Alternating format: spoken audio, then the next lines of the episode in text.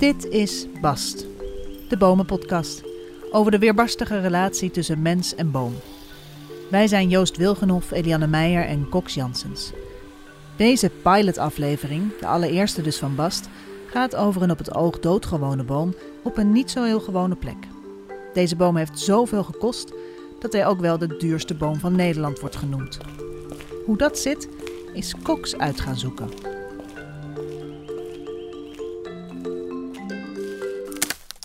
Treurwilg van Woensel.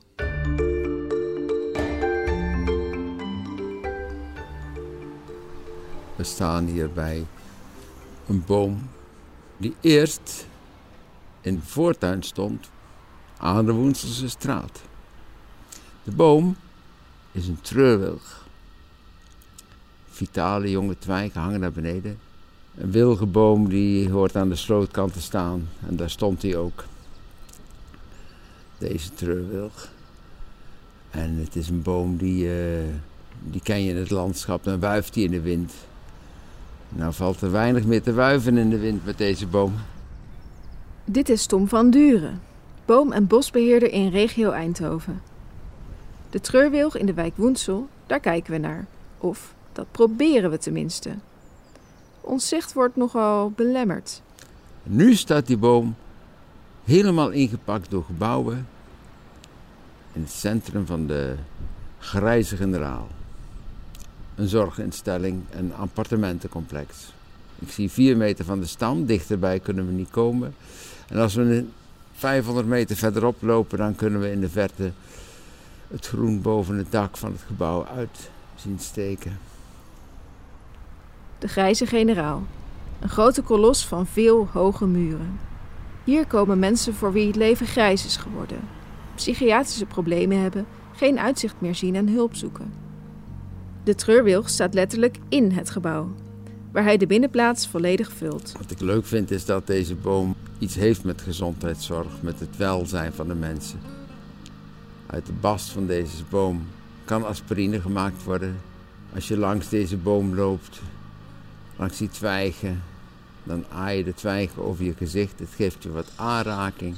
En voor veel mensen die wat neerslachtig zijn, kan zo'n boom een fijn startpunt zijn. Vanuit deze boom ga je dan de omgeving verkennen en perspectief zien. Alleen het ongeluk is, als je bij deze boom staat, dan zie je totaal geen perspectief. Dus dat spelletje gaat hier niet meer op. Je zou kunnen denken, een boom. Wat valt daar nou over te vertellen? En dan begin je met, er was eens een treurwillig. En die stond uh, naast de Kennedy-laan. Zo kan het ook. Verwacht je nog iets heel spannends daarbij? Jazeker. Wat deze treurwilg mij heeft doen inzien, is dat bomen niet alleen fascinerende levende organismen zijn, maar dat zij, zeker in de stad, kruispunten zijn van de verhalen van heel verschillende mensen, die vaak allemaal iets anders willen. En dat is ook het geval bij deze ingebouwde reus in Woensel. Deze boom maakte in het verleden diep gewortelde gevoelens los. Ik noem haar Gwendolyn. Dus hallo Gwendolyn, weet je wel. Maar ja, je hoopt dan zo dat het goed komt. Hoe is deze boom zo tussen hoge muren gevangen geraakt? Laten we beginnen bij het begin, toen de twijgen nog konden wiegen op de wind.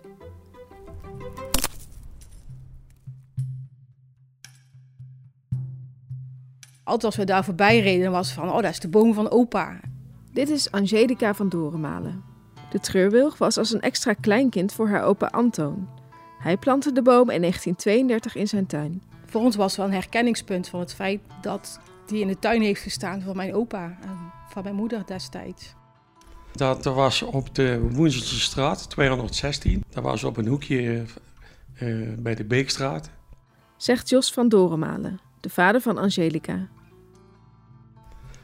En uh, ja, die boom stond net aan de achterkant van het huis, in de tuin.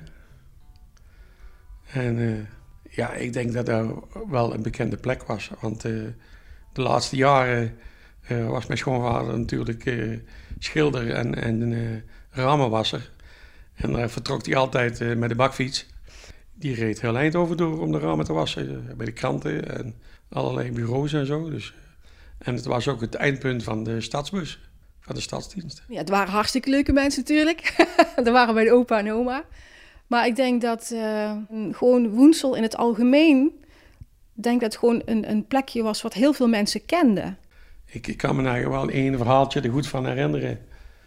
Uh, die boom die werd op een gegeven moment natuurlijk veel te groot voor uh, en de tuin. Want uh, aan het huis hadden ze een serre gebouwd. En aan die serre hadden ze weer een garage gebouwd. En daar stond die bakfiets in. Ja, want hij moest ook zijn ladders kwijt. En op een gegeven moment werden die takken zo lang. Die sloegen, als het flink waaide, allemaal tegen, tegen die golfplaten aan van het dak. Dus op een gegeven moment uh, moesten al die takken eraf. En toen hadden we besloten om die boom daar maar eens kaal te maken en om te hakken. Maar ja, eh, toen hij helemaal kaal was, toen durfde het niet, meer. Want ja, dan moesten er allemaal stukken doorgezaagd worden van de, van de stam, zeg maar. Dus uh, ik heb er bovenin gezeten met een kale boom. Maar toen is hij weer gewoon aangegroeid. Deze aanslag op zijn leven heeft de treurwilg dus overleefd. Maar ook later bleek hij geluk te hebben. In de loop van de tijd raakte de Woenselse straat, die zich in vroeger tijden uitstrekte langs boerderijen en landerijen, bijna in zijn geheel opgeslokt door een snel groeiend Eindhoven. Ook het huis waarin opa Anton met zijn gezin woonde, moest plaatsmaken voor nieuwbouw. Maar de treurwilg werd wederom gespaard. Op een gegeven moment moesten die huizen daar weg. Toen, toen stond die boom op een gegeven moment op een open veld. En uh, daar kwam al, ieder jaar circus. En daar waren we eigenlijk wel bang voor. Dat ze soms uh, met de circus die boom wegging natuurlijk. Dat er iets mee gebeurde. Maar dat viel wel mee, want die werd allemaal afgezet. Het was vooral Marianne, de vrouw van Jos, die zich zorgen maakte om het voortbestaan van de treurwilg. Nou, ik denk dat die boom voor mijn vrouw toen een herinneringspunt was. Om precies te weten waar ze toen gewoond heeft. Ja, de rest was weg. We kunnen alleen in de verte zeggen van... Daar waar het ziekenhuis staat, daar, daar, was het toen ergens. ze vertelden ook altijd verhalen wat hun deden in de tuin met die boom. Dus inderdaad, uh, tarzannetje spelen en... Uh, ja, het gaf een stukje ook aan haar thuis, aan haar kind zijn, zeg maar. Dat betekende voor haar best wel wat. En later dan de herinnering aan, aan haar vader en de belofte die ze heeft gedaan om de boom ook bewaard te, te, houden, zeg maar. Marianne beloofde haar vader op zijn sterfbed om zijn treurwilg te beschermen. Tot haar eigen dood in 2015 heeft ze woord gehouden. We hebben wel netjes van de gemeente bericht gehad dat ze er gingen bouwen. en die boom stond eigenlijk in de weg. Of dat we dan bezwaar hadden of iets, geloof ik. En zo is het toen begonnen. Toen uh, zijn we erin gekomen om die, boom, om die bomen te bewaren als monument. Ja.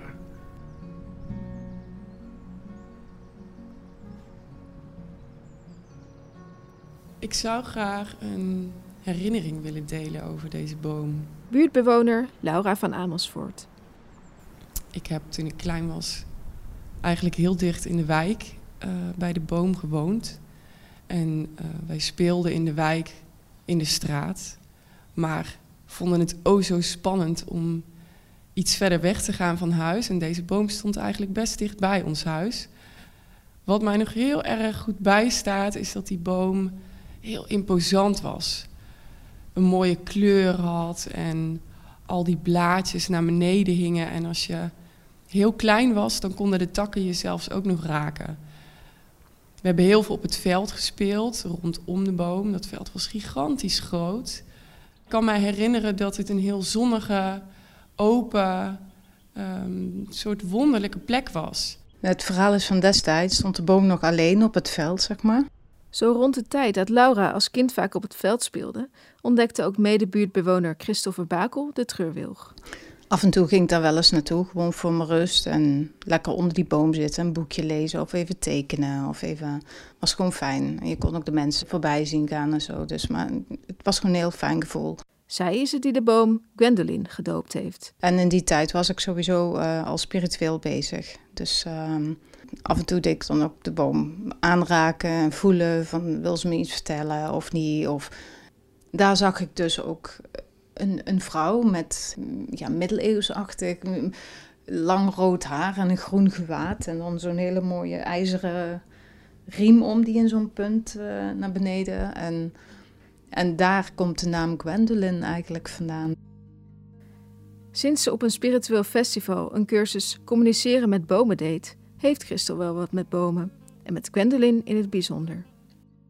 En dus zodoende was ik daar al wel een paar keer geweest. En de boom had toen een holte, zeg maar, in de, in, in, de, in de schacht, in de boomstam. En ik had al een keer een healing gedaan. Ik had vrienden meegenomen om daar een healing te doen. Ik had kristallen, zeg maar, in de grond. Op drie plekken, in een driehoek, zeg maar, had ik die in de grond gedaan. Ik denk van, oké, we zien wel. Gebeurt er iets, gebeurt er iets, gebeurt er niks, gebeurt er niks. Ineens kreeg ik heel sterk het beeld van haar in mijn hoofd. Net of dat ze me riep, in principe. Ik had zoiets van, ja, dat is raar, weet je wel, gewoon zo sterk. Dus ik ben naar toe gefietst, dus maar een heel klein stukje. En terwijl ik daar zat onder de boom, kwam er in één keer een man aanlopen. Denk, wat doet die hier, weet je wel? Dus van, ja, oké, komt u vaker bij de boom? ja, je gaat er gewoon iets vragen, je bent gewoon benieuwd. Nee, nee, hij was dan boomchirurg. Uh, hij moest onderzoeken of de boom ziek was, want ze dachten, of hadden gezegd dat hij ziek was, dat hij een, een soort van zwam had. Dus dat kwam hij beoordelen. Er zit een aantasting in die willig. Hij is in ieder geval hol van binnen. Die boomchirurg was boomverzorger Frans Baltussen. Christel was er in eerste instantie niet gerust op. In de loop der tijd uh, is nog een paar keer gebeurd dat ik echt het hele sterke beeld kreeg van haar in mijn hoofd. En als ik er dan naartoe ging, of hij was er al of hij kwam er aan, zeg maar ook die man. Zo'n boomonderzoek kon maar één ding betekenen. Er stond iets te gebeuren bij de boom. En dat klopte. Er waren dus plannen voor een nieuw zorgcentrum, precies op de plek van de treurwilg. Een eerder rapport had de boom al afgeschreven, maar Stichting Stadsbomen Eindhoven, voor wie Frans Baltussen het onderzoek uitvoerde, deed een tegenonderzoek. En of het nu aan de kristallen van Christel lag of niet, Frans trok de conclusie dat de boom nog jaren voort kon. Het overlevingsmechanisme, als jij een willig op de goede manier begeleidt, dan kan die gewoon wel heel oud worden. En dan is het maar dat hij op een buitenste schilletje groeit.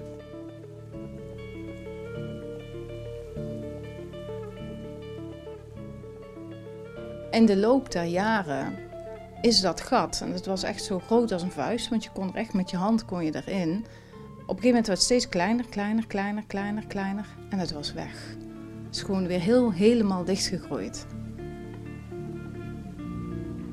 Boom afgekeurd, boom goedgekeurd.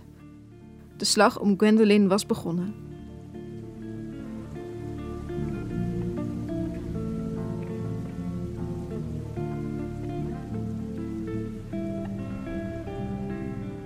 Een gezonde boom mag je niet zomaar kappen. En daar kwam bij dat op het moment dat de strijd losbarstte, de boom eigenlijk aan alle kanten tegen kap beschermd was, vertelt Frans. De wilgeboom was de tijd ook opgenomen in het landelijk register van de Bomenstichting. En uh, de gemeente heeft toen in zijn wijsheid de boom zelfs in het bestemmingsplan opgenomen om hem te handhaven. Maar toen uitkwam dat de projectontwikkelaar de boom niet in de plannen wilde meenemen, bleek dat bestemmingsplan niet zoveel meer waard, tot ongenoegen van Frans en alle anderen die Gwendolyn niet zonder slag of stoot wilden laten gaan. Er was een groep in de stad en die noemde zich de Stichting Stadsbomen Eindhoven en die vond maar niks de boom gekapt moest het gaan worden. En dat was in 1998.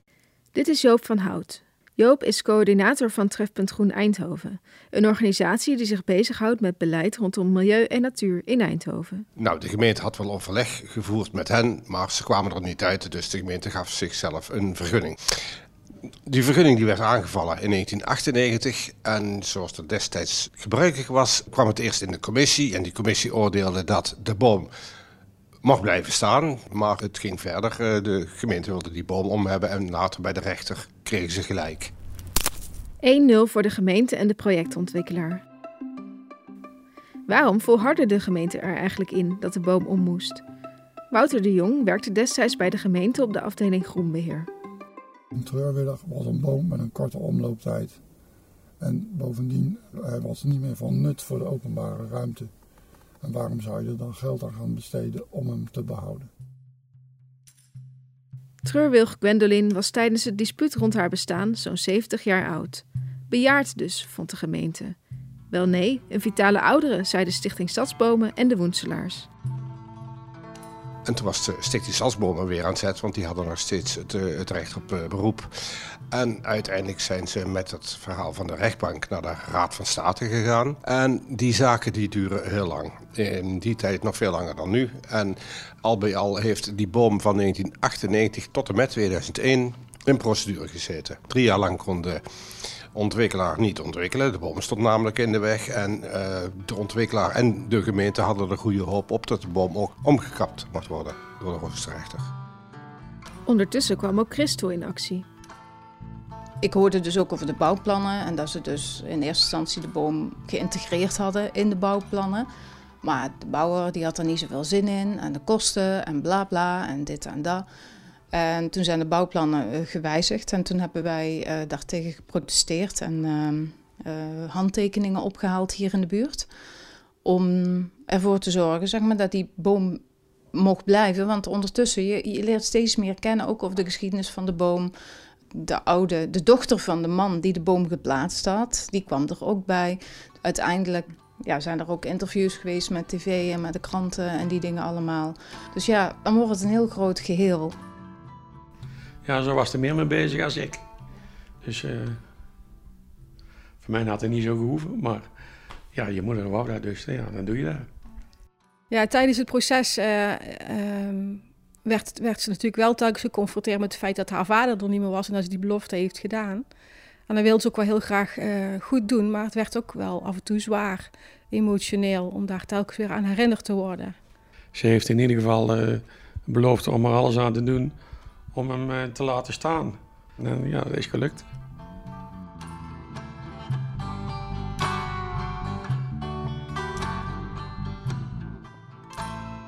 Na drie jaar procederen oordeelde de rechter dat de boom moest blijven staan. Frans Baltussen. Uiteindelijk heeft de bouwer ongelijk gekregen. Lullig was wel dat daardoor een projectschade van 3 miljoen euro plaatsvond. Dus ik denk dat we hier wel zo over, over ongeveer de duurste boom van Nederland praten. In ieder geval, die bouwer die moest natuurlijk wel uh, de, de, de GroenLinkse hobbyisten de schuld geven, want dat had niet aan hem gelegen. Dat zijn van die dingen die uh, ja, mij blijven motiveren om toch onrecht te blijven bestrijden.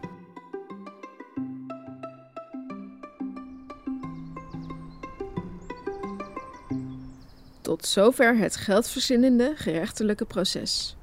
De bouwer moest de boom in zijn plan betrekken. Dat gaf veel extra kosten. En alle partijen hadden dure onderzoeksbureaus ingeschakeld.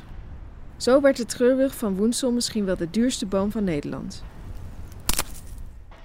Laura van Amersfoort en Christopher Bakel. Op het moment dat de bouw begon, was het best wel behoorlijk indrukwekkend. Ze hebben een soort kavel rondom die boom vrij moeten houden. Echt best wel een groot gebied. Kwam ook heel erg boven de grond uit. Nee, ik ben niet gaan kijken, want je bent gewoon bang wat ze de boom aandoen. Want je weet, er is een hoop geweld en je kan er toch niet, want het wordt ook afgezet, weet je. Dus je kan er ook niet dichtbij.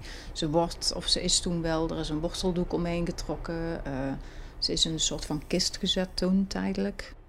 Maar ja, je hoopt dan zo dat het goed komt. Want ondanks dat kosten nog moeite gespaard werden, kon de treurwilg bij een verkeerde behandeling nog steeds het loodje leggen. Voormalig gemeenteambtenaar Wouter de Jong legt uit hoe er te werk werd gegaan. Die percelen moeten bebouwd worden en de aannemers moeten ook hun bouwmaterialen kwijt. En die kunnen ze uiteraard niet in wezen op de te bouwen percelen zetten. Gebruikelijk is dan dat heel vaak de buitenruimte daarvoor gebruikt, dan wel vanuit de boom gezien, misbruikt worden. Om dat te voorkomen proberen wij dat met middelen zoals deze grote stammen eromheen veilig te stellen. Daardoor kunnen er geen bouwmaterialen onder de kroon van de boom geplaatst worden. Geen kranen die we bouwmaterialen ophalen, waardoor de kroon in wezen beschadigd wordt. En geen verdichting in wezen op de grond, Want je moet je realiseren dat het wortelpakket onder de grond even groot is als wezen het takkenpakket boven de grond. Uh, uiteindelijk is de boom ook tijdens de bouw heel goed begeleid. En staat hij er voor, zover we kunnen zien, want hij is jammer genoeg niet echt toegankelijk. Uh, staat hij er nog redelijk goed bij. En uh, is de levensverwachting voorlopig nog wel voldoende om hem te handhaven. En blijkt ook dat de gebruikers van het gebouw het eigenlijk heel fijn vinden om op zo'n boom uit te mogen kijken. Eindgoed, al goed. Min of meer.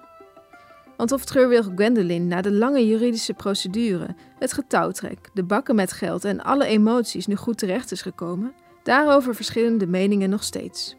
Frans Baltussen van Stichting Stadsbomen en Joop van Hout van Trefpunt Groen Eindhoven. De willig heeft niet zo lang leven. Als een willig 50, 60 jaar is, dan begint hij zijn takken te verliezen. Bij een storm uh, waai je de takken eruit. En hij gaat inscheuren. Uh, willig heeft een leeftijd dan maximaal van 70 jaar. Een gemiddelde leeftijd van een willig zal 80 jaar zijn. Maar waarom is dat de gemiddelde leeftijd? Omdat sommige wilgen het na 40 jaar opgeven en anderen gewoon 120, 130 worden. Dan verdienen ze niet meer de schoonheidsprijs, maar wel de ecologische hoofdstructuurprijs. Want dan gaan er allerlei andere manifestaties in plaatsvinden van insecten enzovoort, enzovoort, enzovoort. Maar was het niet veel beter geweest als ze destijds de boom geruild hadden voor 12 beuken?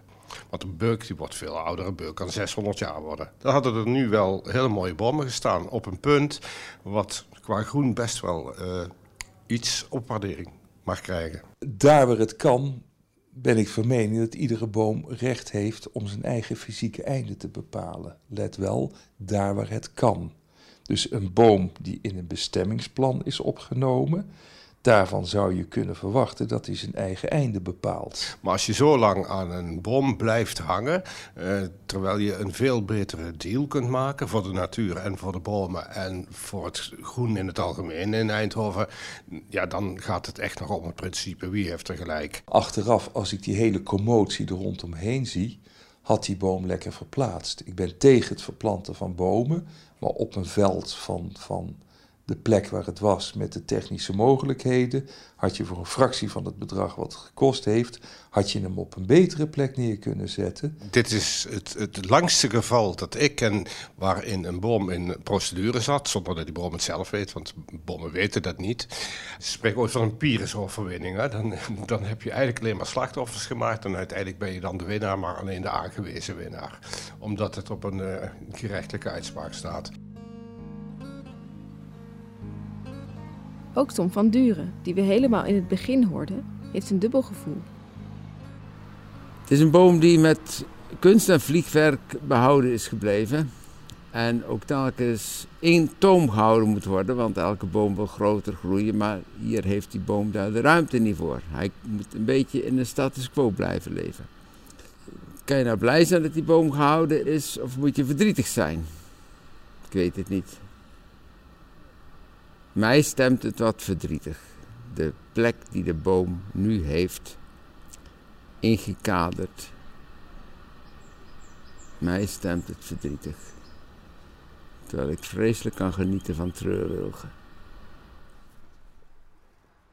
Ik heb um, veel meegemaakt vroeger en op een gegeven moment kreeg ik therapie. Maar voor Christel en haar Gwendolyn is de cirkel rond. En die therapie die werd verplaatst. En die werd dus verplaatst naar het gebouw waar zij dus op de binnenplaats zat, dus de grijze generaal. Dus ik mocht bij haar therapie gaan, gaan volgen. En dat was ook het beeld wat ik uh, toen destijds bij haar had. Van deze boom is een treurwillig, maar zij wil zorgen voor mensen. Ze vindt het fijn dat de mensen bij haar komen, dat ze troost kan bieden. Onderdeel is van het leven van de gemeenschap. Dus dat was fijn dat zij dus in, in dat plan van de grijze generaal, van de KGZE, dat ze dus daar kwam te staan. Dat was gewoon fantastisch. En dat ik dus daar dan ook nog therapie mocht gaan volgen, ja, dat was ook heel fijn. En wat vindt Angelica van Dorenmalen van de locatie van de treurwilg? De boom die zo nauw verbonden is met de herinneringen aan haar moeder en opa? Ze kan in ieder geval, als ze dat echt wil, nog haar hand op de bast leggen. Ja, toen mijn moeder overleed, vond ik het wel fijn dat de boom er nog was. Want ik kon dan wel eventjes daar naartoe gaan om ja, een soort van beetje nog bij mijn moeder te zijn, terwijl ze er niet meer was. Dus ik ben daar naar, naar het gebouw toegegaan waar die ingebouwd staat, de boom. En die mevrouw achter de balie, die, uh, die vond het een ja, mooi verhaal, zeg maar, wat ik had verteld. En die zei van, nou, loop maar door. En die heeft mij toen naar het binnenplaatsje begeleid. En daar heb ik gewoon even gezeten en even teruggedacht aan mijn opa en aan mijn moeder. Dus het is wel fijn dat je een plekje had om even naartoe te gaan.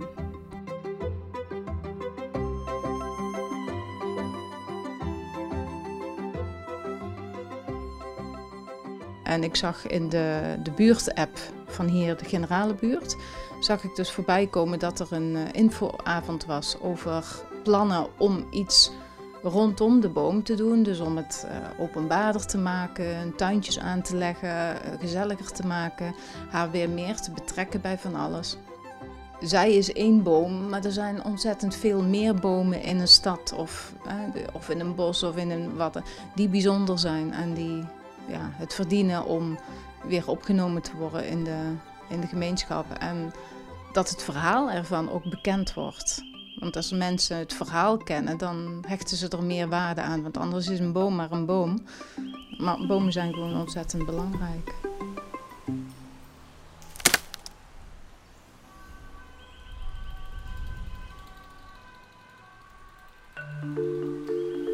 Dit was Bast, de Bomenpodcast over de weerbarstige band tussen mens en boom. Deze pilotaflevering is gemaakt door Cox Janssens. Eindmontage door Eliane Meijer, mental support Joost Wilgenhof.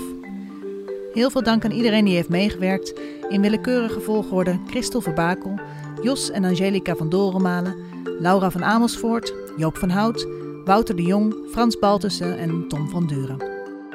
Ga naar www.basdebomenpodcast.nl en schrijf je in voor onze nieuwsbrief. Of abonneer je gewoon meteen op deze podcast via je favoriete podcast-app. In 2021 komen we met nieuwe afleveringen over net zulke boeiende bomen als de treurwilg van Woensel, a.k.a. Gwendolyn. Tot de volgende bast.